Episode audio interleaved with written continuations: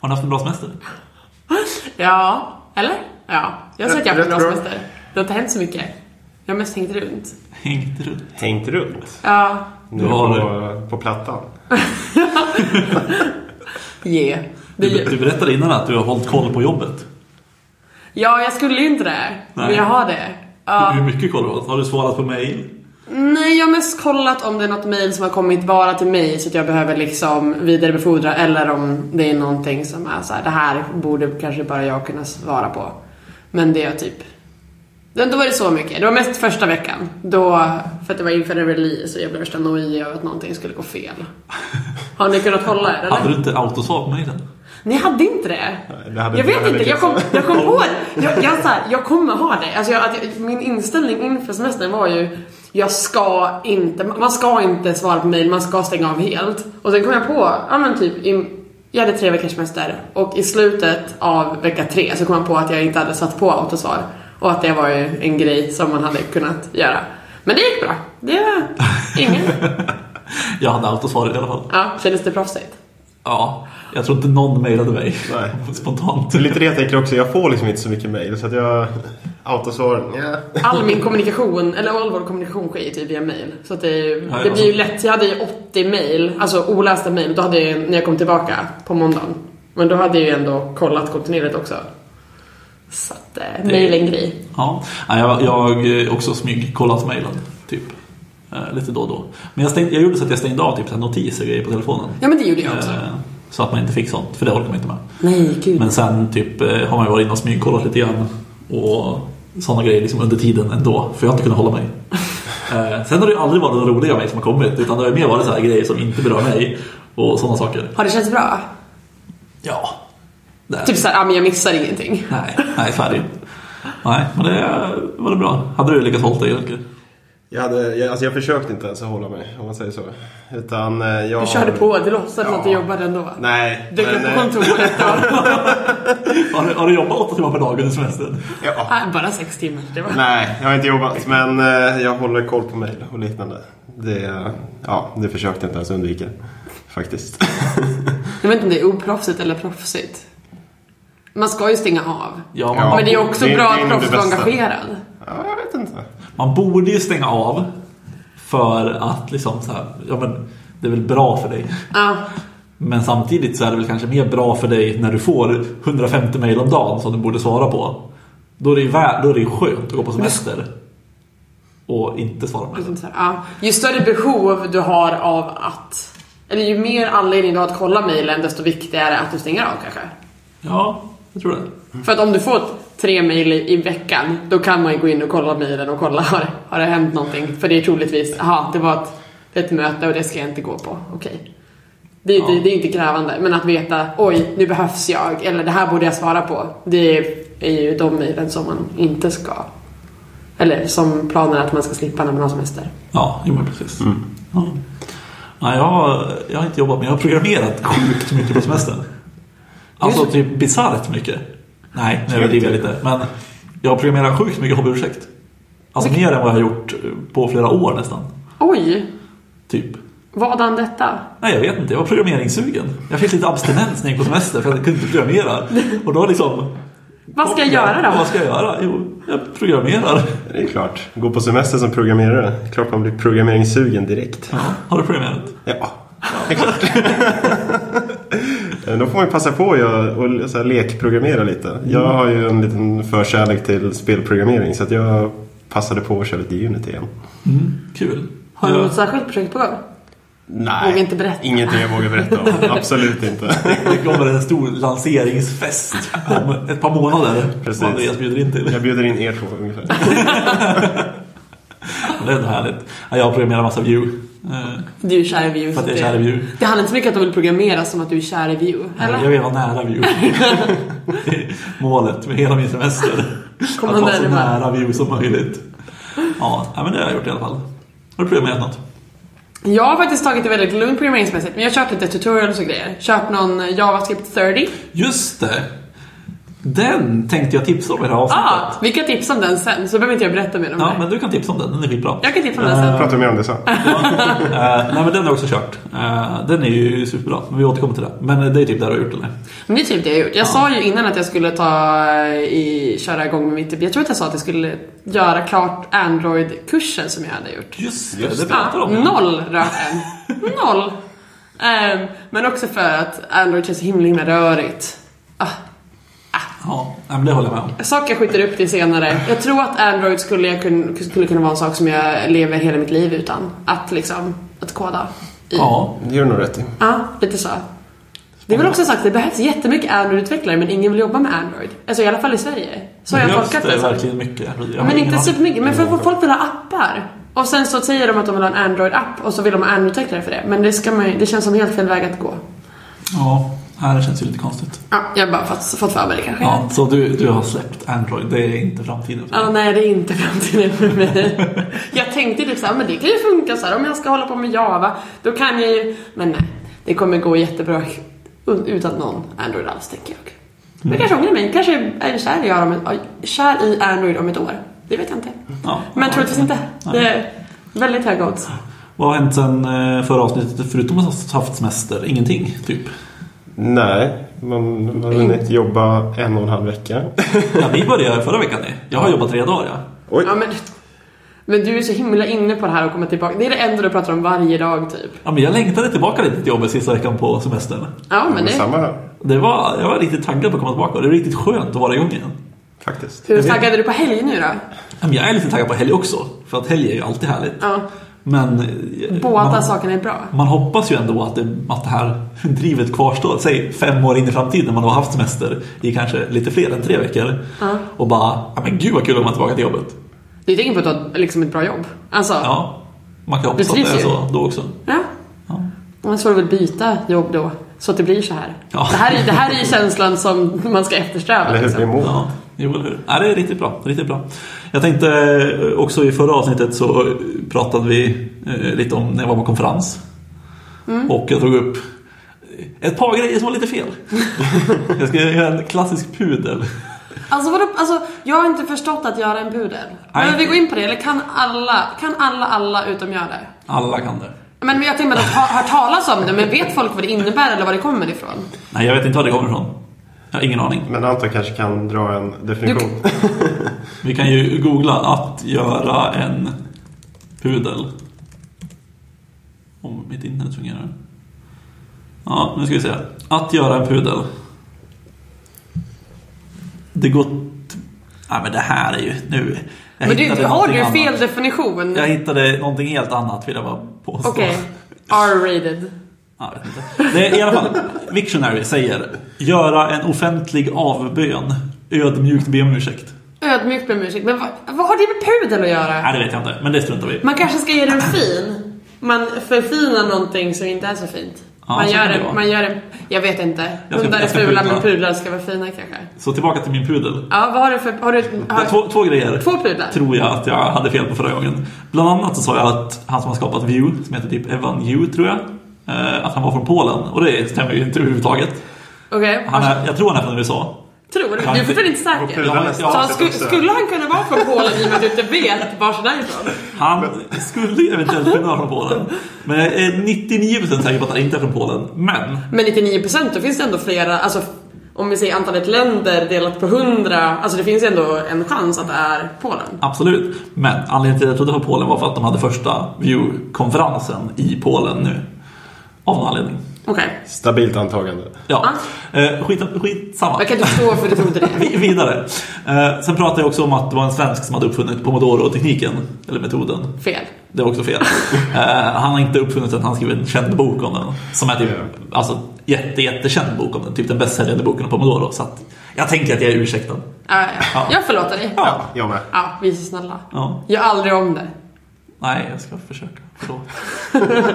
jag jag pudlar hårt. Det här kommer bli ett återkommande, liksom, Vi en kanske kan ha återkommande programpunkt. Ja, precis. Anton pudlar. Ja. Ja. Sen hade vi uppföljning på Andreas tips från förra veckan. Eh, Jag tipsade ju om, eh, om Rider. Ehm, ja, du skulle Dot- testa det va? .NET uh, IDEn. Från JetBrains. Precis, precis. Eh, och den har faktiskt en första bild har släppts nu. Eh, officiella releasen. Så att eh, inte någon eh, liksom stable release än med, där har fixat alla barnsjukdomar men en första release i alla fall. Var det bra då? Var det som du trodde? Alltså jag har inte testat det. Du har testat? Du Eller vad jag hade gjort trodde det var det som skulle vara återkopplingen. Du Nej, återkopplingen var att det hade släppts. Så nu kan man faktiskt testa en Nu riktig kan man version. faktiskt eh, testa en riktig version. Och så som jag förstår det så är det gratis för studenter också. Det är gött. Så att eh, det är nog värt att testa, absolut. Jag tycker ändå att det är en rolig detalj att du pushar för Jo, men- här- har inte Men- testat det än. Jag har testat den, men jag har inte testat någon mer än när vi spelade in förra avsnittet. Ah, Okej. Okej? Ja, nej, nej, men det. Ja, vi, vi släpper det. Vi går vidare. Det blir så dålig stämning. eh, vad skulle vi prata om i det här avsnittet då? Clean Code.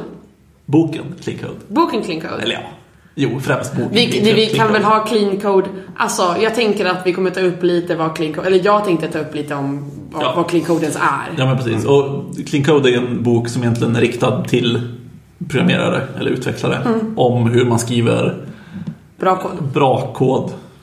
Ja. Men det är typ bra kod, men vi kan- ja, jag- vi jag har en så här Ja, precis. Boken är, ju, boken är ju skriven av eh, Uncle Bob Martin som han kallas. Ja. Precis. Robert C. Martin. Ja, precis. Jag har boken framför mig. Eh, och han har skrivit massa andra böcker också, bland annat Clean Coder. Ja. Med R på slutet. eh, som handlar om typ hur man är bra som, Som utvecklare. Så I sin yrkesroll. liksom. Precis, istället för hur man utvecklar bra. Men eh, i första avsnittet så handlar det egentligen bara om vad folk tycker att clean code är.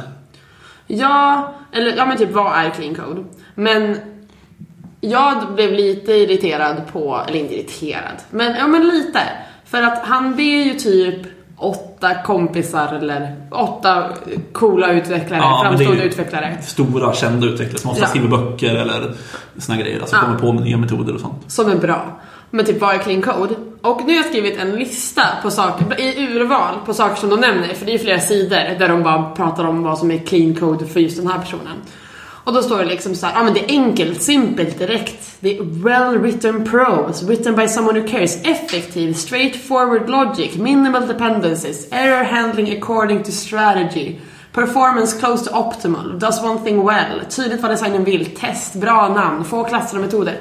Det är liksom, det är ju inget det är inte såhär, och det här, den här aspekten av bra kod är clean code, utan det är liksom allt. Och det tycker jag, tycker jag är lite rörigt. Men är det verkligen allt? Är det inte bara olika eh, grejer i, inom kodning? Alltså som du, ett exempel som du tog upp var ju så här, små metoder eller små klasser. Ja, det är ju bra grej. Ja, det är en konkret, ganska enkel Ja, grej. men att liksom, att det ska vara clean code, test tycker jag är lite så här. ja det är inte... Att bara för att det finns tester så är ju inte koden bra. Det är bra att det finns tester, men jag tycker inte att det handlar om hur clean code, liksom själva koden är. Eller räknar man testerna som en del av koden? Jag tänker att testen är en del av koden och att liksom så här, det här är liksom att clean code mer är ett, eh, vad man säger, alltså att om man tar det på ett mer övergripande liksom helikopterperspektiv Målbilden, typ. så är det liksom att okej, det ska vara enkelt att jobba med och så här, om du liksom ska fortsätta utveckla programmet, det är enkelt att förvalta, det är enkelt att vidareutveckla, allting sånt. Och med tester så hjälper ju det, alltså då är det enkelt att ändra. Ja. Och då är det mer bättre kod för att den går lättare att ändra än om du inte har tester. Och det är väl också att det ska vara testbart också. Alltså Ah, wow. att man ska... Eh, vad ska man säga? Ja, det ska vara enkelt att testa. Det ska inte vara... Det komplicerade ska inte vara att testa koden. Utan det ska snarare vara... Testerna ska vara enkla att skriva och också kunna garantera att programmet fungerar som det ska. Ja. Ja. Det är bra. jag, tycker, jag, jag skrev upp ett av mina favoritcitat från den där eh, introt. Ja. Som var av Ward Cunningham. Bland annat han som uppfunnit Wikin. Av alla länkar. eh, och också Extreme Programming om folk har testat det. Ehm, och han, han säger eh, i en del, eller en mening av det han säger då, är att You know you're working on clean code when each routine you read turns out pretty much what you expected. Ja, men det är ju skitbra. Och den tycker jag är solklar. Verkligen favoritcitat i hela boken nästan. Alltså för det är ju så härligt att när man öppnar en liksom, ja men man öppnar liksom ett program och så bara Ja men okej jag fattar ungefär vad det här är. Okej då borde den här klassen göra det här. Så öppnar man den klassen och den gör exakt det. Och man bara Ja, gud vad skönt. Gud vad skönt. Slippa liksom leta, söka i någon helt annan del som är löst kopplat etc. Ja, men exakt så. Ja. Håller du med? Jag håller med, Ja. absolut. Det är liksom, eh, vad ska man säga, programmet ska ju liksom eh, ja, tala om någonting för en egentligen. Det ska vara ganska självförklarande liksom alla bitar utav programmet. Eh, och det är det jag tror mycket handlar om. Vi kommer komma in på det också med just så här, med namngivelse till exempel. Eh, varför det är så pass viktigt? Jo för att liksom Ja, men för att förklara varför någonting existerar, vad det gör och vad som ja, vad ska man säga, vad, hur det kan påverka statet av systemet egentligen. Ehm, och ja, det går in ganska mycket i det resultatet, tycker Mm. Ja, men jag tycker också det. Det är ju skitbra. Jag tänkte, bara, liksom, om man tänker, om man tar ett perspektiv tillbaka, för att det måste finnas en anledning till att man läser den här boken. Varför liksom, kommer man på sig själv att ah, men nu ska vi läsa clean code? Är det för att man vill bli bättre som en utvecklare? Eller har man liksom någon, varför skriver man dålig kod överhuvudtaget? jag. För att man inte vet bättre. Är det så? Är det bara liksom okunskap? Alla, Nej. så fort du har lärt dig, läs boken, det är liksom bibeln. Så fort du har läst den, då blir du en bättre människa och klarar av att skriva bra kod direkt. Men- Nu- ja, ursäkta, men eh, Kör på. jag tycker främst att det är lite utav en liksom, ja, vad ska säga, ögonöppnare i alla fall på vissa delar. Och det hjälper till mycket i liksom, ganska vanliga liksom, situationer och fall. Egentligen hur man kan tänkas liksom, ja, vad ska man säga, eller hur man ska gå tillväga för att lösa någonting på, på bästa sätt egentligen. Så att jag tror inte jag tror ju många hade haft jättenytta av att läsa clean code oavsett om man är jätteerfaren. Ehm, just för att man kan få igång och tänka lite hur man själv kanske brukar göra. Ehm, ja, egentligen. Alltså målgruppen för boken är ganska bred. Från att du har typ lärt dig koda, du kan grunderna, fram till så att du redan har jobbat i 40 år. Jag tänker att, ah, inte att all, exakt alla har någonting att lära sig från boken, men att den tar ju upp både högt och lågt och väldigt specifika grejer och väldigt generella grejer. Att det är en bra bok så. Mm. Och det tas ju upp i, han skriver ju här i början också, författaren, att det är ju inte någonting du läser en gång och sen kan du det. Nej, det är mer Utan en det är mer att du måste jobba med det, du måste liksom gå tillbaka och tänka på det aktivt när du gör det och såna grejer. Så att det är mycket så också att du kan liksom inte tro att. Sträckläsa hjälper ju liksom inte. Nej. Det är mer läsa, ta till dig, försöka implementera, komma tillbaka. Okej, vad är nästa sak jag ska tänka på? Ja, men exakt. Lite mer som ett ord om dagen, fast mer än ett tips om dagen. Ja. Men det gäller väl att försöka få in det jag ska man säga, lite praktiskt egentligen. Jag har väl försökt när jag läste att ja, men, tänka igenom hur jag själv kanske hade kunnat gjort i liknande situationer. Eh, så man liksom kan ha det i åtanke när man kommer till samma stadie en gång till i framtiden egentligen. Just ja, här brukar jag göra så här, men det hade varit Men. men. Men boken sa... Mm. Ja, men det tycker jag är superenkelt. Eller superbra. Men det är också så här att eh, en del i slutet av boken är ju bland annat att ha övningar. Alltså att du ska typ refaktorera grejer och sånt där. Eh, och det tycker jag är superbra. Jag har inte kommit till dem än. Jag har inte gjort dem helt enkelt. Eh, men jag tänkte att jag ska ta tag i det någon dag. Jag skulle ha gjort det på min semester kanske. Ja, du hade ju massa koder. Men just sådana grejer tycker jag också är ganska bra att man verkligen pushar för att öva. För jag personligen tycker ju att man lär sig ju kod av att skriva kod. Du lär dig ju inte kod av att läsa kod. Va? Det är ju typ som att vara snickare och bara, ja men du läser om hur du bygger en... eh, Men läs mycket om sandpappring, så Ja. blir du nog bra på det. Tänk på att hålla den här vinkeln på din såg. Då kommer det bli skitbra. Det kommer Ja. inte flises alls. Ja, ja nej, men det är lite... Det är ganska stora likheter ändå. Ja, men lite så är det ju. Vad, vad eh, alltså så här, har ni, kommer ni på er själv med att ni har skrivit riktigt dålig kod någon gång? Ja, absolut. Eller liksom, har inte alla skrivit dålig kod? men alltså, majoriteten, majoriteten av kod man skriver är ju ändå dålig på det sättet att så här, när man kommer tillbaka så kan man känna så här, det här skulle kunna vara bättre, det här skulle kunna vara bättre. Ja. Men när man i, i stunden så, eller anledningen, man ska ju skriva kod och sen ska man göra det bättre. Och liksom iterera över den. Och det är ju inte alltid att man gör det. Nej, så, Utan man kommer tillbaka och även om man har itererat över och kollat igenom, är det här smart, är det här bra, skulle jag kunna göra det bättre? När man kommer tillbaka en vecka, en månad, ett år senare, då kan man ju säga oj, undrar hur jag tänkte här? För att man är liksom inne i ett mindset just då, att man har ändå, eller så har jag i alla fall att, I mean, vad ska man säga, inte en stil men att jag har typ, men några vanor, de här vanorna kan ändra sig ganska, ganska snabbt. Och Jag tyckte det var ganska bra, för jag läst, började läsa den här boken när jag började jobba. Så jag läste den oftast typ på vägen till jobbet. Och då kunde jag få något liksom såhär, ja ah, men det här ska jag tänka på. Och kunde liksom implementera det under dagen. Det var väldigt bra. Så att jag blev, eh, min, min, mina första månader på jobbet, den koden hade varit betydligt mycket sämre tror jag. På så här små enkla sätt. Om jag inte hade läst boken. Jag tycker det var bra så. Har inte ni skrivit dålig kod? Jo, absolut. Eh, men, jag, tänkte på det att vi är, har ju varit i en liten så speciell situation också med tanke på liksom ful kod. För man kan inte säga, ja vi är fortfarande väldigt juniora eh, alla tre. Ja. Eh, Och sen jag började jobba i alla fall så jag har lärt mig otroligt mycket. Men jag har fortfarande suttit i ett, ett projekt en längre tid. Och det gör, gör det lite speciellt när man liksom kommer tillbaka till kod som man skrev i början. När man liksom ändå har lärt sig en hel del. Eh, Så att ful kod har man ju absolut skrivit om man ser tillbaka på det. Man kanske tyckte det då egentligen. Men Antingen tyckte man inte på att det var dålig kod eller så förstod man inte. Ja, men jag tror att det kan vara annorlunda om man har, eh, ja, när man är mer erfaren egentligen. För då kan man göra rätt kanske lättare på en gång. Men det är ganska naturligt som junior att man faktiskt går tillbaka och refaktorerar kanske ännu mer än vad man gör senare i yrkeslivet. Ganska naturligt egentligen. Men eh, ja, Men tror, tror ni att det är att just att man inte vet bättre? Är det därför man skriver dålig kod? Nej, men du, du vill ju komma till att det är för att man är lat. Eller man är tidspressad. Ja men det var det jag funderade på. Finns liksom, är det att man har bråttom och är stressad eller har man en deadline så man måste liksom att okej men nu måste jag göra så här.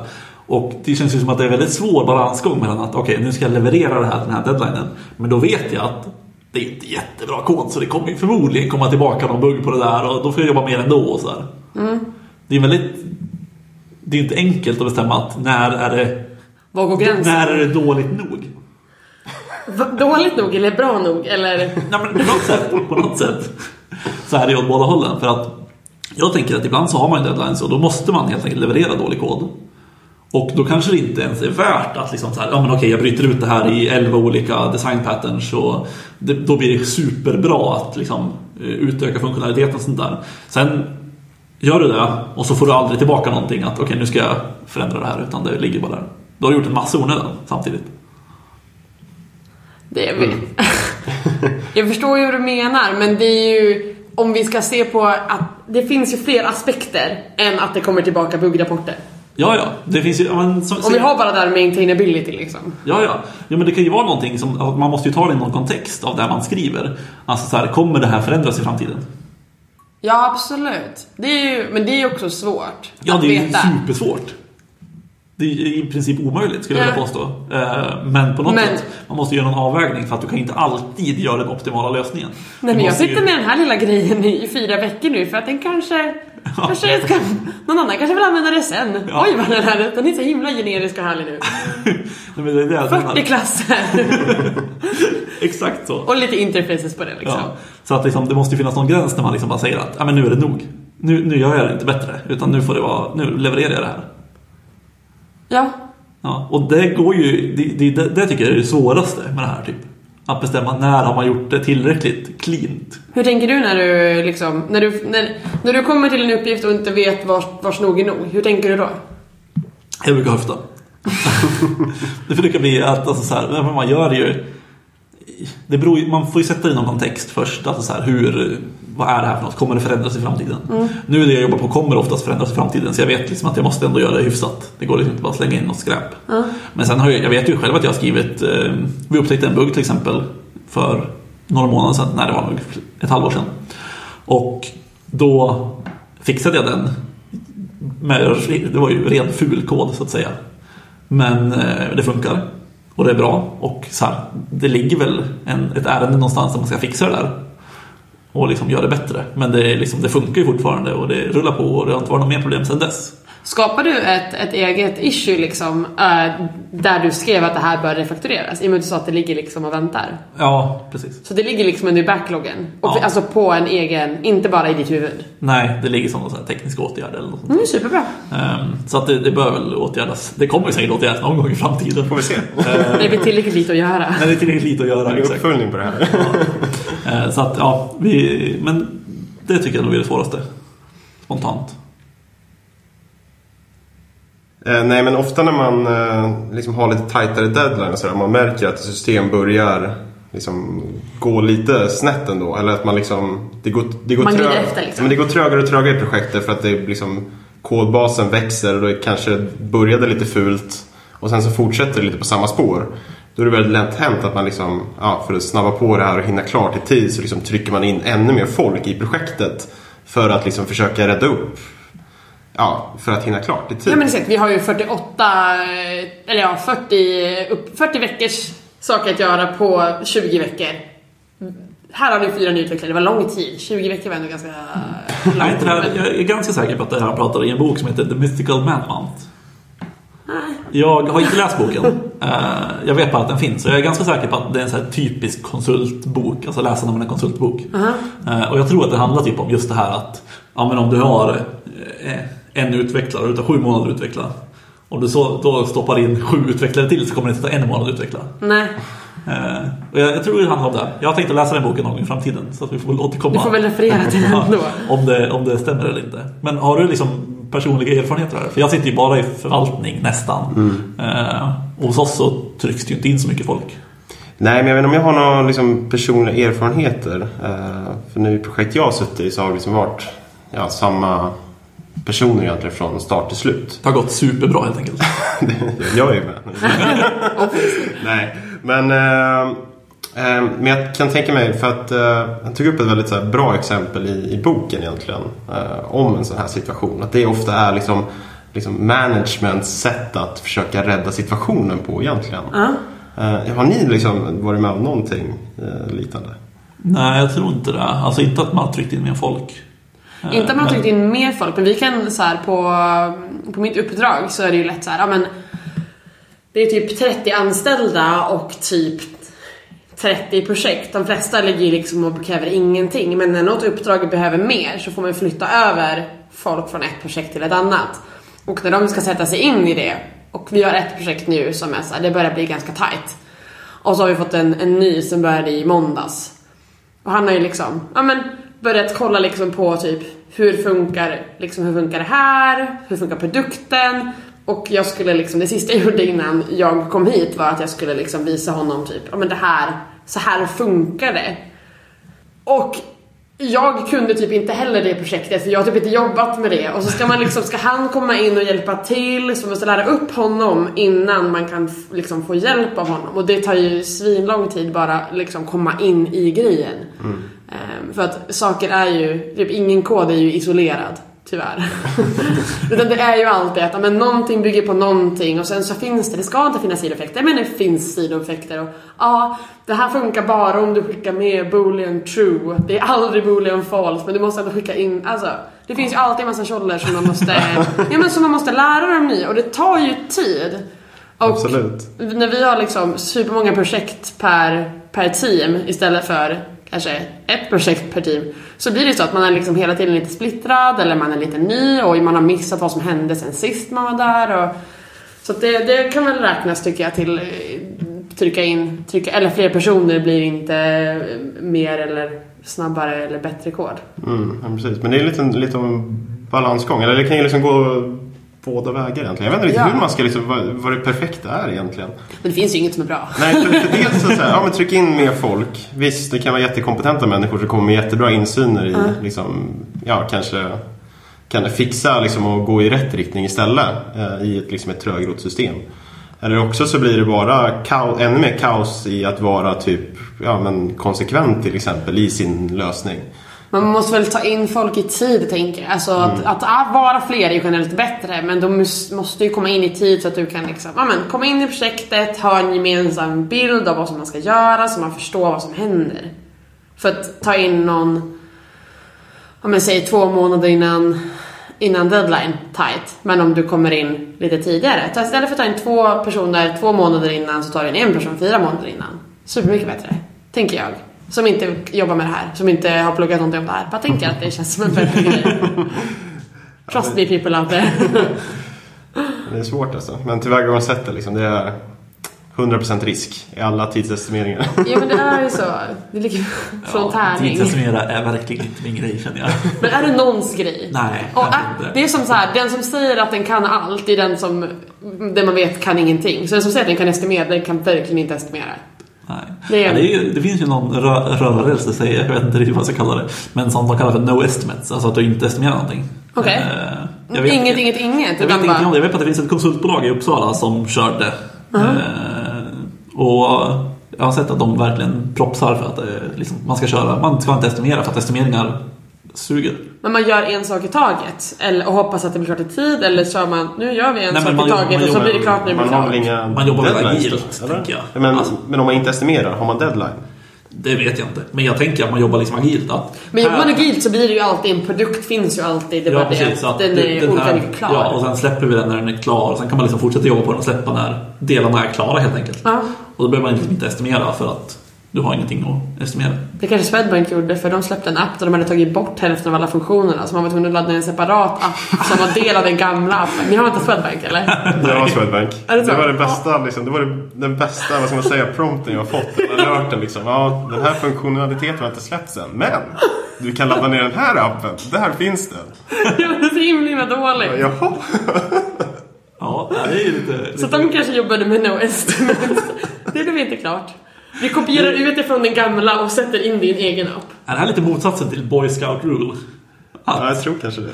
Boy Scout Rule säger, det står också i den här boken, att den säger att lämna koden lite snyggare när du började jobba liksom på den här delen. Alltså att man refaktorerar lite grann när man lägger till någon liten funktion eller något. Är det här liksom motsatsen? Att du tar bort grejer, du lägger till någonting men du tar bort ännu mer. Till slut så har vi en halv app som gör hälften liksom. Det hade varit skönt. Alltså, saker ska man, gör, en sak och gör det bra är ju bra för en app, tänker Ja. jag. Så att de bara, nej men vi behöver inte ha fonder. Det är ingen grej. Vad var det? Fonder och sparande eller något? Jag kommer faktiskt inte ihåg. Det var, det- det Någonting kan som ändå var ganska key togs bort. Ja. Du kan ju ni, bara kolla saldot. använder ni Boy Scout Rule? Eller pojk, vad heter det? Vad kan det heta på svenska? Pojk Scout-regeln? Det Scout. heter inte pojkscout. Är- är det en grej, alltså? Scoutregel. Ja. Men det, man säger väl boy scout rule i Sverige också? Ja, det tror jag. PGA, vi är amerikaniserade. Jag tänker att vi pratar ganska mycket svengelska i det här avsnittet ändå. så- Ja, eller i livet. Ja. Nej, men använder och använder, det, det är ingenting jag aktivt tänker på egentligen. Men jag, liksom, jag går tillbaka och städar väldigt mycket kod. Det, jag, det tar jag med titel. Och jag tycker det är jäkligt kul att kolla in gammal kod och snygga till det. Faktiskt.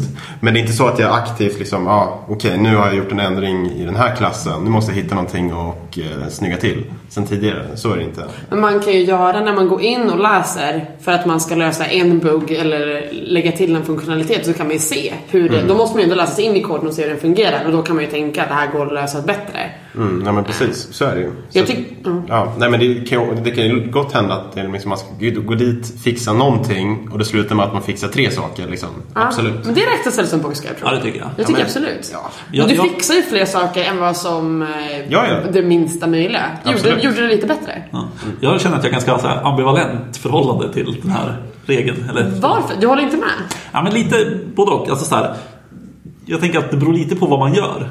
Alltså så här, om jag går in och ska eh, lägga till en, eh, en parameter på någon funktion som liksom tar in någonting och så gör en, en grej till. Och det här kanske blir tre rader kod, säg. Då, då, då liksom håller jag mig gärna från att göra en stor refaktorering även om det skulle vara väldigt enkelt och snyggt att göra det. För att om någon sen vill se vad jag har gjort i liksom versionshistoriken så är det så mycket enklare för dem att se vad jag har gjort om jag inte har refaktorerat 300 rader när jag la till tre rader. Extremt sant. Jag har tänkt på det, för att vi eh, skickar alltid med, alltså i våra commits så ska vi alltid skicka med vilken gira, eller liksom vilket, vilket issue vi har löst. Och om jag då håller på att göra massa andra saker, då skickar jag det oftast i en annan commit. Alltså Ja. så att det är liksom, här är det jag skulle göra. Eller typ, här gör jag först den generella refaktoreringen, alltså Boy Scout Rule-delen, och committar det. Och sen gör jag min nya ändring, min bugfix, min funktionalitet i en separat commit efter det. För att skilja på det. Ja, det är ju ett definitivt vettigt sätt att göra det på tycker Ja. jag. För sen, alltså, sen, sen om man gör någonting större, alltså om jag gör liksom en större funktion eller gör en större förändring, då har jag ju inga problem att så här, byta variabelnamn på grejer eller så här, refakturera om det till fler funktioner och sådana grejer. Inga problem överhuvudtaget. Men det, det känns som att man måste liksom på något sätt, om man ska checka in det på en gång eller tillsammans, så vill jag liksom inte på något sätt Röra ihop det liksom. röra ihop det så att Nej. det blir liksom svårt att se vad jag har gjort. Nej, alltså ja. Nej, men jag kör samma princip som det Amanda egentligen. Nu kör inte vi att vi trackar direkt mot Gira. eh, Men jag delar alltid upp det i olika commits egentligen för att ha en tydlig ja, Vad är det här syftet liksom? ja, men tydlig historik i versionshanteringen helt enkelt. Eh, Och det är ju ganska guld värt. Ja men det är skönt. Framförallt när man går tillbaka och ska se vad fan någon annan har gjort. Ja, då vill man liksom inte ha en commit med bara uh, Det här har ingenting med giran att göra, vad håller du på med? så här random fixes. Så, yes. Tack. Ja, ska vi gå in på kapitel två kanske? Jag känner att vi Ja men jag kan gå in på kapitel två. första kapitlet där. Naming. Ja, men Amanda går in på kapitel två så är vi kvar på kapitel ett. Vi kör inte parallellt så. Okej, i höger öra så har vi kapitel 1, Ja. vänster öra kapitel 2. Nej men kapitel två handlar ju om att, att döpa saker. Döpa, ja. Alltså det är ett helt kapitel om hur man ska döpa saker. Namngivning. Det finns, jag kommer ihåg när jag började läsa, jag bara säger ja men vadå döpa? Man ska vara, ha självförklarande variabelnamn. Ja. Och sen bara, ah, oj, ja, rimligt. Alltså det är mycket som är såhär state obvious. Men också lite historik. Typ Hungarian notation och sånt. Alltså. Ja, Hungarian notation för de som inte vet är ju till exempel Förr i tiden så var det väldigt populärt att man döpte saker med vilken typ de var liksom, i variabelnamn. Så till exempel eh, bool is successful till exempel som ett namn. Hade man bol, hade man det i början? Ja, eller is successful bool. Det, Ja. det, Name string. Ja, eh, och såna grejer. Eh, Och det rekommenderar jag att man inte gör. Det är det bara rent noise. Alltså, Ja, ja, det, ja. det tillför ingenting. Nej, det där ignorerar man ju snabbt om man kommer till ett system som bara ja, här står det första ordet kan man ignorera eller sista ordet kan man ignorera.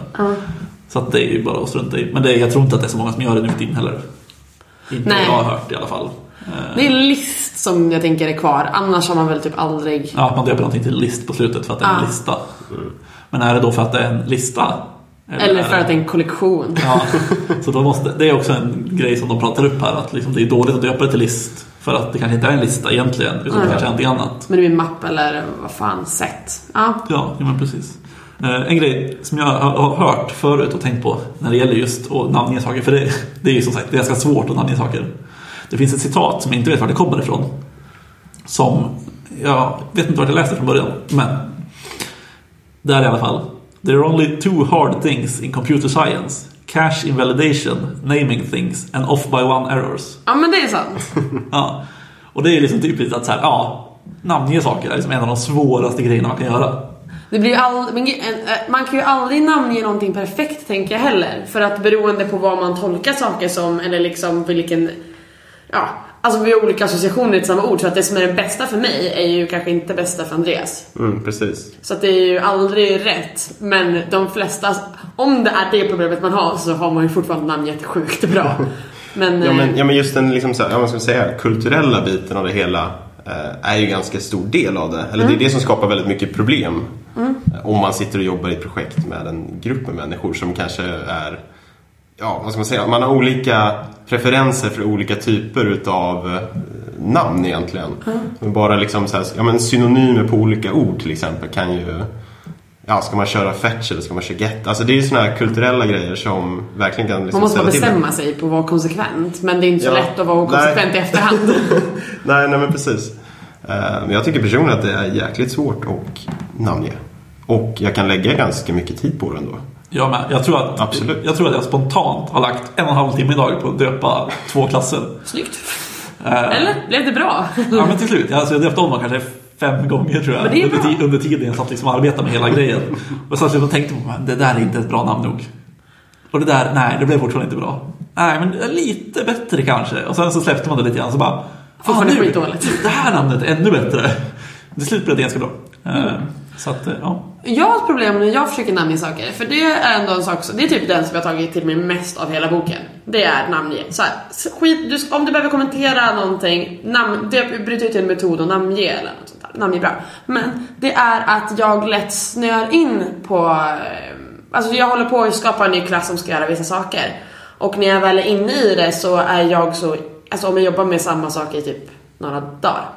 Då är jag så inne i vad koden gör och att kanske någon, ja men vad en variabel gör är så eh, inpräntat.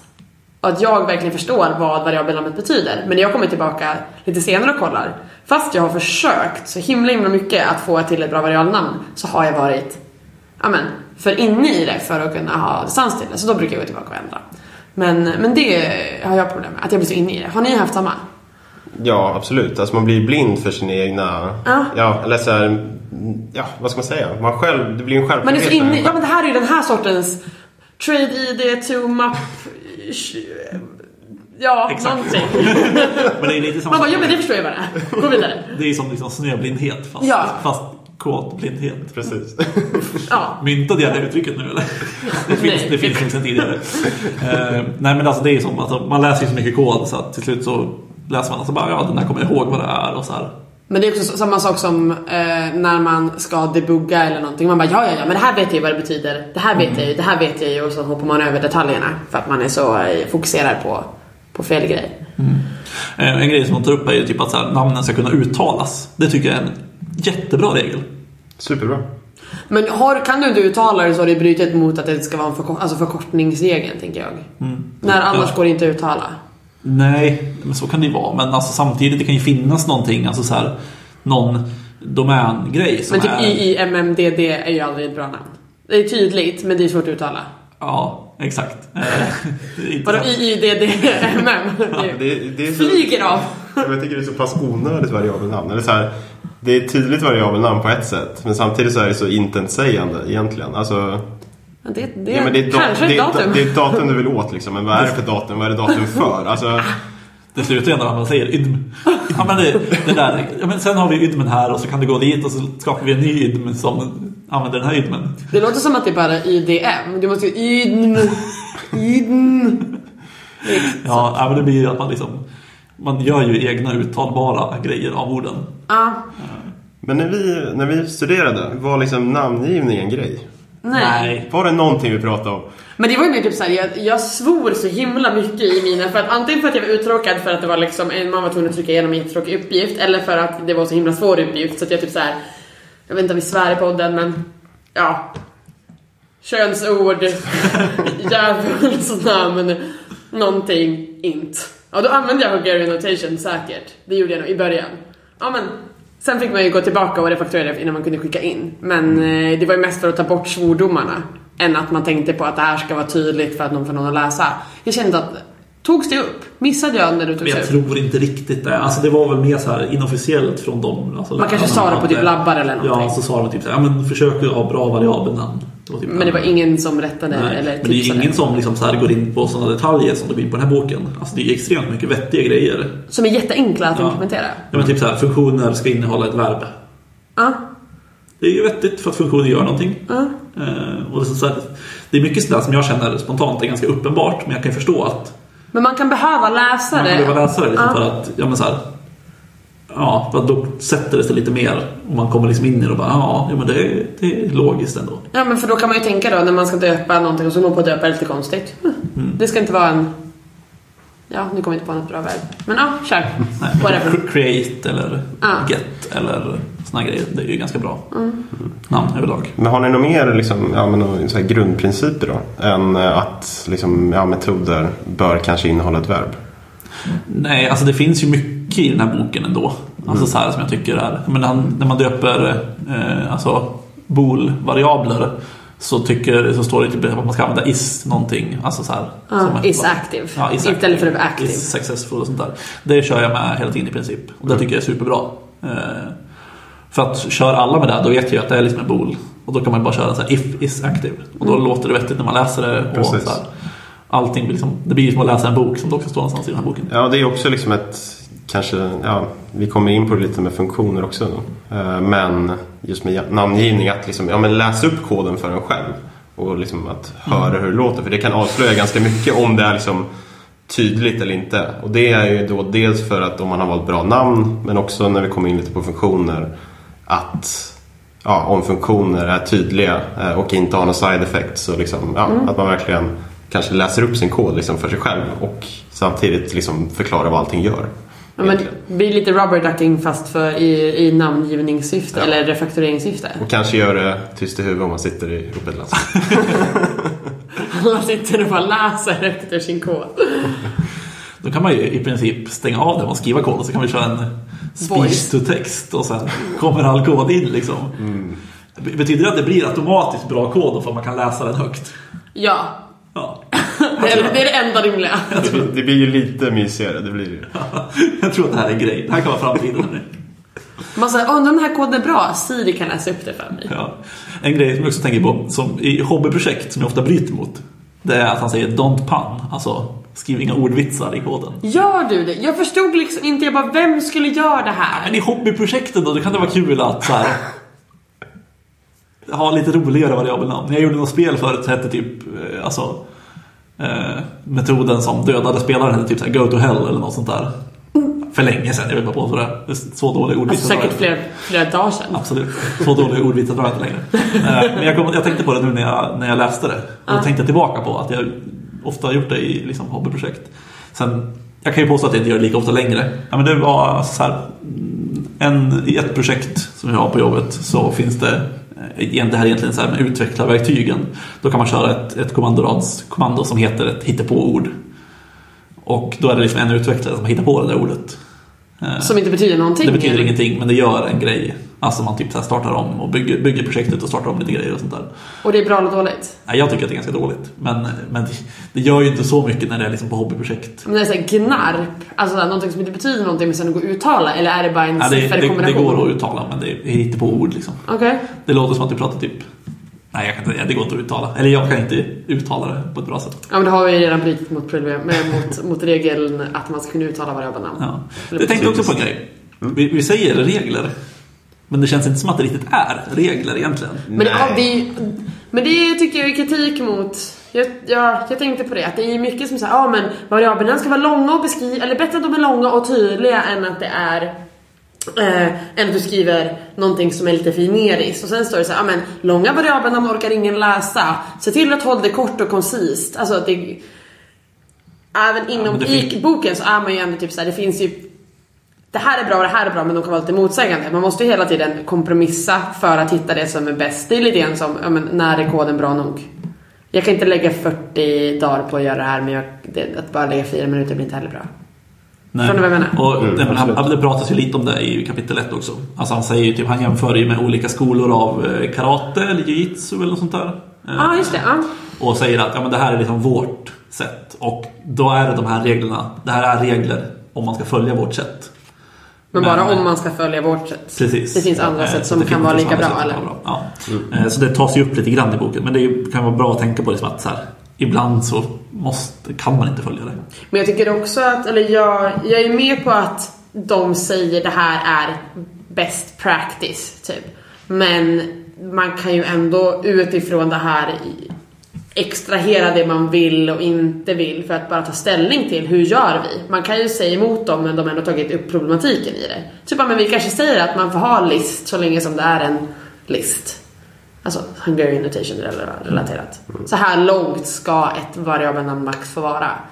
Så det tar ju ändå upp, man behöver inte följa det bara för att det står i boken. Nej. Men, men det är väl ingen som håller de kodreglerna. Alltså, som, eller vi har så här ett, ett, en, vad säger det, coding conventions som, som man ska följa. Och man försöker ju följa det i viss mån, liksom så, här, så gott det går. Men det är fortfarande, man det på kod hela tiden som inte har följts. Så ibland så kompromissar man med det liksom. Så att det är som alla kodregler, de följs. Typ. har ni några coding conventions på era jobb? Inte några officiella. Nej, det finns några så här dokument som skrevs när projektet eller när det var ett Ja. förvaltningsprojekt Så det är ju ett vanligt regler. projekt. Så det är ju regler som Det är finns. regler, men Hur, det- Och de följs. Nej, inte längre tror jag. Alltså, I och med att så här, hela teamet har ju typ rullat av och det har liksom inte Ingen har överlämnats tillräckligt bra för att det ska följas. Ehm, Det borde ju typ sättas upp i miljön att man måste följa dem i princip. Mm. Och det går ju idag med verktygen. Typ Visual Studio ju stöd för det och sånt där. Mm. Intelligy också. Eh, En grej jag tänkte på som jag absolut inte håller med om är att de säger att om man har till exempel interface. Åh, det där störde jag mig också på. Oj, vad jag störde mig på det. Om man har ett interface så eh, normalt sett, eller i alla fall inom .NET, och jag antar att det är samma inom Java. Nej, det är inte samma nivå. Nej, Okej, inom .NET. Ja, kör. Då är det liksom en, på något sätt en standard att du döper interface med ett i i början, ett stort i. Så Till och med Visual Studio liksom. De lägger ju alltid på ett i om du ska skapa ett interface till exempel. ja, om du kör liksom add new interface, då står det i i början. Eh, och sen säger de att gör inte det. Det här betyder ingenting. Nej. Ehm, och att man liksom inte ska encoda liksom så här. De föreslår att om man måste göra det så kan man sätta det på implementationen istället och skriva typ så här namn på klass, implement. För att Ah. ha... Men jag tyckte det var lite så här vagt definierat, eller så här, inte definierat, men Argumenterat. ar- argumentationen för det Vad egentligen. så svag. Ja, men lite så här att ja, användaren behöver inte veta Just- att, att det är ett interface. Jag har skrivit två citat Ja. som jag har skrivit ner för att jag, ja men det här upprör, det gjorde mig upprörd. För det här, ja, jag kommer till det. Men han skrev, eh, jag skrev så här, saknar i-prefixet. Bob säger att det är a distraction at best and too much information at worst. Det är ett fucking i. Men han sa ju typ så här: I don't want my users to know I'm handing them an interface. Och där kan jag också tänka att det kan vara en bra sak för utvecklaren att veta att, för att jag brukar tänka på det känns som att det är lite lösare med det Java, men på utbildningen så fastnade jag för, men ett, interface är någonting som du kan göra, eller objektet kan göra, och om det är en klass så är det här någonting som du är. Och är det att jag kan tolka klassen eller interfacet olika beroende på om jag tänker att det är interface eller inte, så vad det förväntas kunna göra. Ja, nu, jag, jag är lite konverterad. Nu, Mot- på mot- de- mot på de- honom? På de senaste 45 sekunderna. Så. Ah. Mo, du är på Onkel Bobs sida nu? Ja, men lite. Lite en gnutta. Okej, här. berätta. För när du läste citaten så insåg jag ju lite vad de menade. Alltså, när ni typ eh, skickar in en... Eh, jag menar, säg, alltså så här, när ni skickar in någonting i en metod. Alltså, säg att ni kör dependence injection. Alltså att ni skickar in ett interface till någon och sen utnyttjar de interfacet. Men du får en konkret klass egentligen. Att det står ett i framför då gör ju ingenting. Nej men det, jag tycker det är enklare jag utvecklar. Att få veta liksom vad, Ja. vad som är vad. Och här kan jag implementera det här, jag kan lägga till det här interfacet på min klass om det behövs. Men att jag kan liksom inte ärva en till klass. Att jag får veta liksom när jag kodar, när jag ser någonting så vet jag att det här är ett interface eller om det är en klass. För det har faktiskt kommit upp eh, på riktigt flera gånger under tiden jag har jobbat. För i Java så du skriver typ det här är interfacet och det får heta vad det vill, eller liksom bara namnet och sen säger du impel på slutet. Och jag, jag saknar det i .NET, att ha i ett. Mm. Nej, men jag, jag förstår det, men jag tänkte också så här. eh, I och med att det de pratade om var så här, You don't want your users so now you're giving them an interface. Man de ska ju inte veta, de ska inte bry sig. Det är jag ju med på. Och då tänker jag typ att om man har utvecklat ett bibliotek till exempel. Alltså ett eget bibliotek som Ja. andra använder. Eller ett ramverk för den delen. Då kan det ju vara en vettigt att så här, okej du skickar, istället för att skicka tillbaka någonting som heter i bla bla. Så skickar du tillbaka bara bla bla. Det är en bok, du vet inte om det är Ja, alltså så att jag skickar tillbaka till bok istället för i-bok. Sen är det ett interface egentligen. Men det spelar ju absolut ingen roll för den som utvecklar programmet som använder ditt bibliotek. Jo, men du använder mig inte om du ska extenda. Alltså om du ska vidareutveckla så tycker jag att det är värd information. Men om du bara ska, alltså om vi snackar om att jag bygger ett API och du ska inte se eller ut, liksom den här koden är typ min kod. Då fattar jag att det är onödigt för användaren att veta att det är ett interface. Men när jag ser all kod som jag använder, då är det ju bra för mig. Och, där är jag på samma sida. För att Ja. jag, när jag skriver själv och ser koden så vill jag ju kunna ha att alla interface heter i för att det är superenkelt att se att det är ett interface när man i koden. Man kan se att eller så här, när man vill hitta interfacen i liksom projektstrukturen bara. Ja, då vet jag att jag letar efter någonting med i på början. Allt sånt där blir ju superenkelt. Och så döp, nej, i .NET så fick man ju typ lära sig, jag vet inte om det var utbildningen som sa det eller internet som sa det, men att du ska heta liksom typ I comparable. Att det ska vara liksom able, den, är den kan göra det här. Också helt, i, typ skiter folk i Java. Ja. Ett, ett interface heter typ som, som klasser. Jag är trött, saknar det. Men just det här med att en kodom alltså det är ju sjukt inarbetat dock. ja. Det är det. Men var det en grej, kan det vara en grej som liksom, ja men om, för jag tänker Uncle Bob kommer ju typ från, alltså han har ju väl, han kommer ju mer från Java än .NET i alla fall. Boken är, utgår ju från Java liksom. Han har väl kodat det garanterat för att han har gjort allt. Men kan det vara så att han tycker det för att det kommer från Java, men att de som byggde .NET tyckte, eller C-sharp i alla fall, tyckte det här var en så himla bra och tydlig grej och att det kanske är, det var was frowned upon innan C-sharp bara tog det och gjorde det till sitt egna konsekventa tänk. Kanske? Eller? Alltså, jag, Ja, jag, jag är nöjd med mitt kanske så jag slipper pudla. Ja, men det, det är nog inte omöjligt faktiskt. Ehm, och jag vet inte när den här boken skrevs från första början heller, eller om den uppdateras. Men alltså, det kan ju vara så att det har blivit liksom något senare grej eller vad som helst. ja, men. C-sharp är ju inte så nytt. Eller inte så gammalt jag. Nej, men det kanske är att det är nice för att, alltså det funkar i C-sharp för att det är konsekvent. Att det funkar kanske inte om man blandar för då hjäl- hjälper det ju ingenting. För då kan du inte veta om något är ett interface eller inte om bara hälften har i-prefixen. Det, det är ju det absolut sämsta. Inkonsekvens. Precis. Men för en grej han tar upp också på tal med det här med liksom, alltså, hur inarbetat det är. Är ju till exempel att eh, eh, i for-loopar och sånt där så är det okej att ha variabeln i. För att det är så inarbetat för alla vet vad det betyder. Ja. Eh, Medan i egentligen är ju ett dåligt variabelnamn. Det skulle lika gärna kunna heta index eller liknande. Eh, Men det tycker jag att, att författaren, eller författarna, är okej. Mm, Ja, men det godkänner den ju. Men ja, däremot så tycker jag att det har jag sett i koden bara sen nu efter semestern. När, där det har på riktigt stått for item in list, alltså som en for each grej. Item, du vet vad det är i det här, alltså i, i de exemplen som, som, jag vet att det här inte är ett item. Det här är typ en trade, eller det här är någonting annat. Att bara använda items som att, för att typ autocomplete sa det, jättedåligt. Alltså framförallt i en for, alltså for, för att om det i står ju typ index, visst gör det det? Ja, jag tror det i alla fall. Eller alltså det är väl blivit någonstans. Eller iterator eller ja. Nej, index. Jag gissar på index. Ja, säg index. Ja. Men om det är en for each loop, då vet du ju vad det är du hanterar på ett annat sätt. Du är ju ändå själva objektet.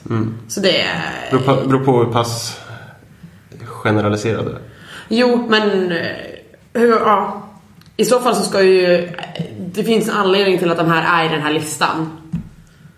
Om det inte bara är... Ja, det kan finnas exempel där det är verkligen kan vara vad som helst i den här listan. Men generellt så har man ju någon slags struktur eller plan. Inte bara kastat in Säg andra inte saker. det. Do stuff. Item.do something. Troligtvis inte.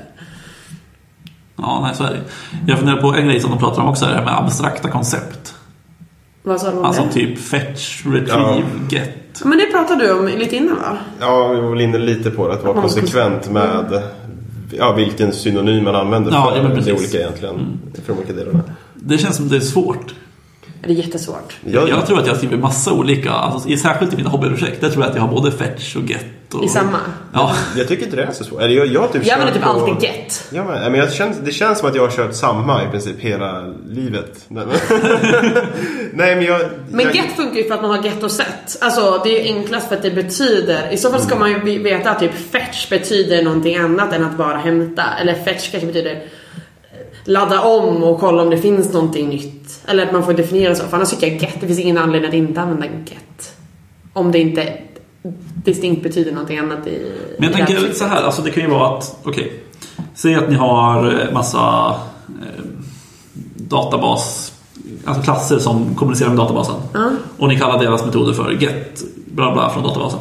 Eller get. Och sen skickar man in ett ID till exempel. Alltså typ repositories som är get. Sen har ni en klass som också gör API-anrop.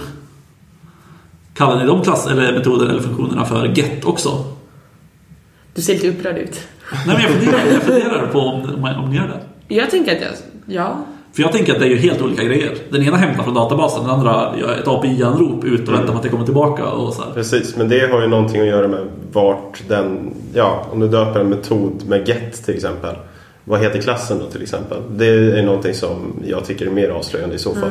Men det ska väl inte, om vi ska prata abstraktion så ska det väl inte spela någon roll var man hämtar ifrån. Det viktiga är att man hämtar. Ja, men det här är ju egentligen, alltså så här, de här har ju ingenting med varandra att göra, databasklassen och Nej men du hämtar ju, alltså du gör ju samma sak. Jag gör ju inte samma sak. Jag läser från databasen på ena stället och hämtar från ett API. Jag måste göra ett anrop, jag måste få tillbaka någonting.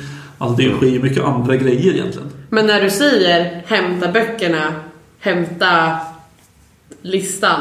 Då ska det inte spela någon roll. Alltså när jag hem, anropar så ska jag ju inte veta, eller ska jag inte behöva bry mig om impl- implementationen. Jag fattar ju problematiken men Nej, men det, där tänker jag egentligen att jag hellre det känns inte som vilja, en stor grej. Jag skulle hellre vilja kalla typ API-anropen för fetch då.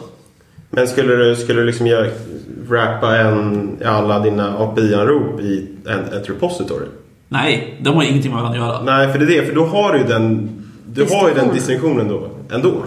Ja, men tänker man inte då att så här, okej, du går från klassen. Men du hade lika kunnat byta då, för det är ingenting som skiljer fetch från get. Du skulle, om du vill skilja just de två ifrån varandra, sure. Men då handlar det ju om också att de finns i samma, i samma kontext. Men om du, att, att du hade lika gärna kunnat använda fetch på databasen och get på API-anropet. Och Mm. det betyder det att om du kan byta ut dem så är de ju synonymer. Men det, det kan Men också att- finnas, man får ju också tänka sig att då kanske alla mina repository-klasser har get i sådana fall. Det är det som är tanken. Ja, ja, och absolut. alla mina API-anropsklasser, om jag har många API, API jag anropar, använder fetch. Så skulle jag ha separerat det spontant. Jag skulle inte använda get på båda ställena. Jag, jag, jag säger det Andreas sa, att det är klassen är ju det som avslöjar vad som kommer hända i så fall. Och annars så ska du inte bry dig om implementationen. När man anropar någonting så ska du ju inte, det här är ju, jag vet inte vilken designprincip bla bla bla det är, men du ska ju inte bry dig om implementationen av när du hämtar någonting. Du vill bara, du ska bara hämta. Och Mm. Ja, men hoppas få tillbaka. Nej, men jag, håller. Nej, jag tänker mer på hur det är alltså så att man vill veta vad som händer. Och jag förstår att ni tänker att okej, jag har typ API.fetch eller API.get så blir det en grej och repository.get så är det en annan grej.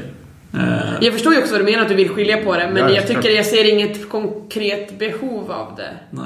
Eller jag- jag när det skulle jag- förenkla eller Jag tror att det mer skulle vara så här lite inkonsekvent för då om man skapar ett till som är antingen någonting emellan eller en tredje ska man byta då för att någonstans så tar det ju slut på antalet synonymer eller så blir det för Fetch, farfetch. get, retrieve. ja, det var där det tog slut. Ja men då ska man, om du kommer på en tredje ska du välja då retrieve för den eller ska du välja att återanvända den andra för då är det i så fall två som använder samma och en som inte använder det. Mm. Och Ja, ja, ja. du använder fortfarande get i liksom, ja men när det inte handlar om att ladda in någonting utan bara typ person get name. Så get har i så fall redan fått en annan innebörd.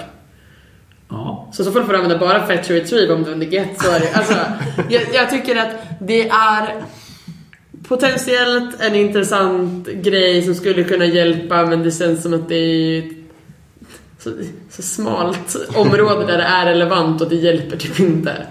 Yeah! Ja, jag vet inte. Alltså, jag, jag tror ju gott det kan, liksom, ja, alltså, det kan vara vettigt om det verkligen följs. Liksom, absolut.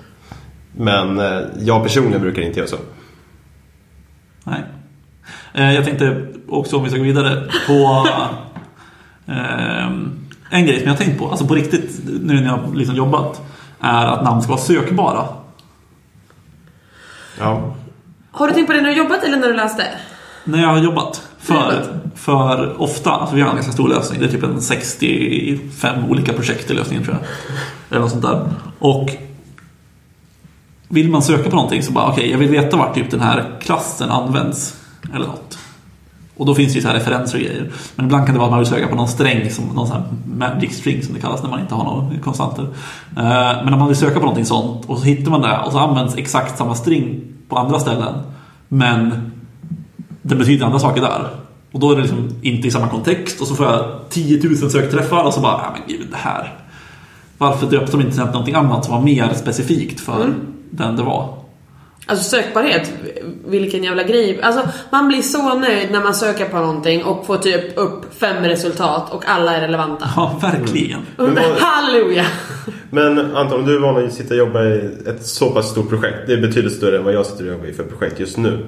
Men vad har ni för, vad, vad skulle du säga är liksom den bästa liksom, taktiken då för hur man lägger upp det? Ska man liksom börja med, det, det känns ju väldigt jobbigt om, liksom, ja, men om två variabelnamn har liksom, ja de heter likadant men i olika kontext. Ehm, är det då liksom att variabelnamnen är lite skeva från början eller, liksom, eller ska man börja med att märka upp variabelnamn? Då blir det lite så här, ja, notation på alla variabelnamn. Eller hur ska man liksom gå tillväga då? Mm. Nej, jag, vet, jag har ju ingen riktigt bra lösning. Jag tänker att man ska försöka ha halvlånga variabelnamn. Alltså, ofta när man får in variabelnamn så kan det vara typ att man får in, alltså som du sa, item. Men det är ju ett skitdåligt variabelnamn. Värdelöst. Eh, då skulle jag ju hellre döpa det till någonting annat, alltså som är typ tre ord istället. Som har någonting med att göra exakt vad det är för någonting eller så här bla bla. Vad är syftet? Vad är det för typ av objekt och vad är syftet med den? Bara Ja. det kommer man ju långt med. Precis. Och liksom så här, sen, jag har ju liksom ingen bra lösning på det för jag vet att jag gör det här själv. Jag förvärrar ju problemet själv jag skriver koden också. Så det vet jag ju. Men jag försöker ändå liksom att nej, men det ska vara ett bra variabelnamn och det måste liksom kunna vara sökbart ändå. Så att det är väldigt svårt, tycker jag spontant, liksom att hitta ett bra variabelnamn som bara, ja men det här känns... Det här används nog inte någonstans. Men det är ändå lite generellt. Ja, men jag tänker en sån bra grej att följa är liksom att man ser till scopet på variabeln när man namnger egentligen. Ja. Stort scope, då är det okej med ett längre namn egentligen. Min, litet scope, ett for loop, ja men skriv i då. För du kommer ju aldrig sätta dig och söka in solution efter en variabel som heter i. Alltså, Vi har för mig, det var någonting jag letade efter och det var, det var någonting med i. Ja. I. Och så var, jo men det var nog att man hade en array och så var det bracket och ett i. Så om jag är säker på det. Nej, så jag Ja, tror, ja, men om man lägger tid på de viktiga, eller de, de, största, de, de variablerna med breda scope egentligen. ehm, så tror jag att de blir ganska någorlunda sökbara egentligen. För jag tror inte det kommer vara så många variabelnamn som prickar in exakt samma egentligen. Nej. I ett annat kontext kanske. Men eh, ja, det beror ju på. Man kanske hamnar i något monsterprojekt en gång. Men eh, ja. Men bara att använda, att inte använda strängar utan att, alltså du kan använda strängar men du kan döpa dem till, eh, alltså att strängar får ett, ett variabelnamn kan göra det enklare för att skilja då på, som du sa, att samma sträng används i flera olika kontext. Ja, men det, vi- vi är ändå, vårt projekt är hyfsat bra på att använda konstanter istället för strängar. Det är bra. Eh, och det är ganska skönt faktiskt för att då, liksom, man- då får du referenser i det och allting. Eh, så det är väldigt enkelt att hitta vart de används. Så det tycker jag är väldigt skönt. Jag tror att vi är klara med kapitel två och tiden har runnit iväg som man säger. Ja, jag kände Eh, detsamma. inte för att vi hade några planer på att dra, dra igenom hela boken kanske. Men eh, vi får återkomma till de kommande kapitlen i framtida avsnitt. Eh, vi tänkte tipsa lite som vanligt. Ja. Andreas, Det ska vi göra. vad är ditt tips den här månaden? Jag kör vidare på lite, lite mjukvara. Nej, men jag tänkte tipsa om en, eh, en extension till Visual Studio då, eh, som heter Wack Wack Terminal.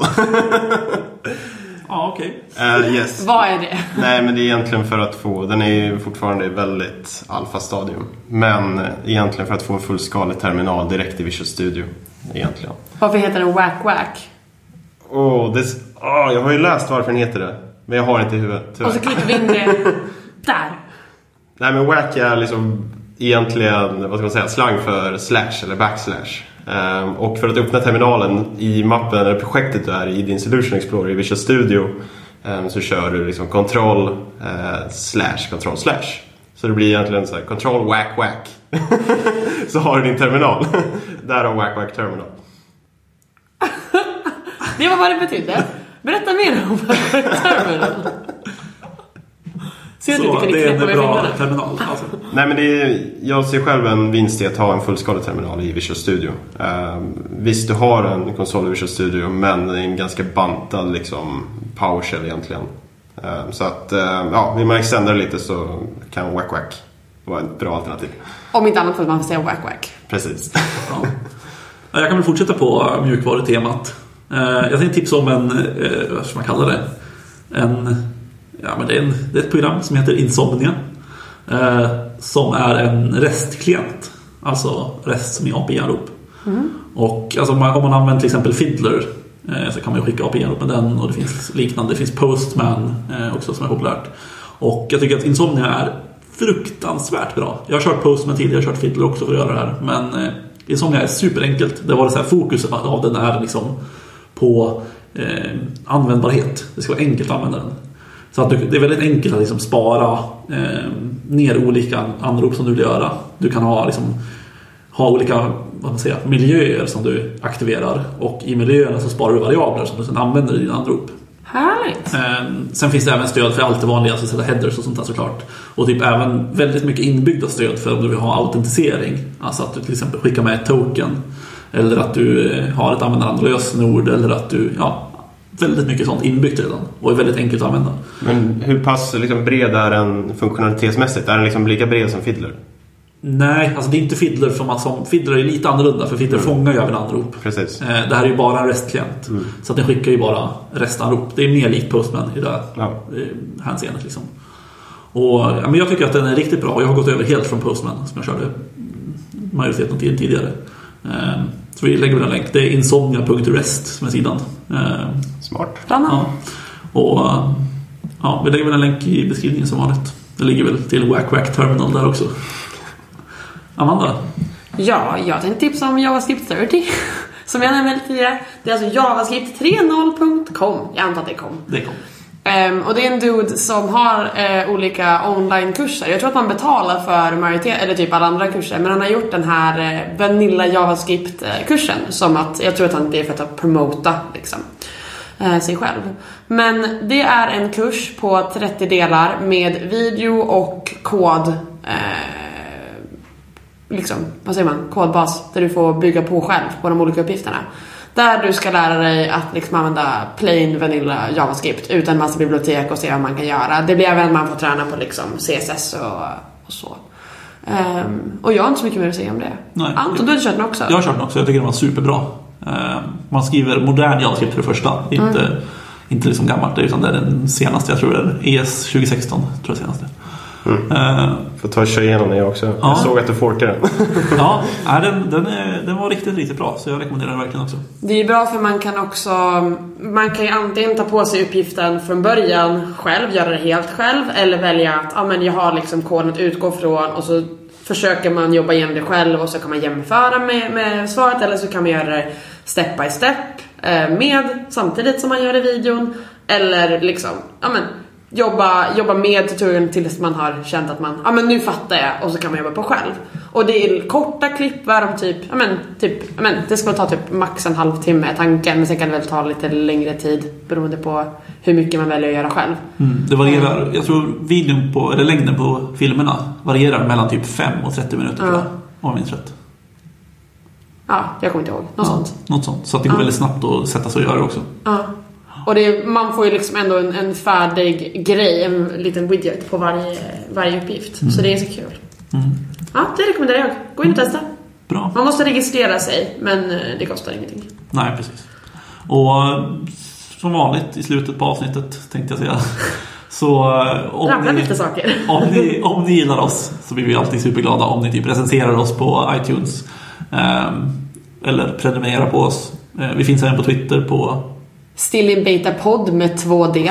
Japp, och man kan mejla på... eh, Info at stillinbeta.se Ja, det är bra.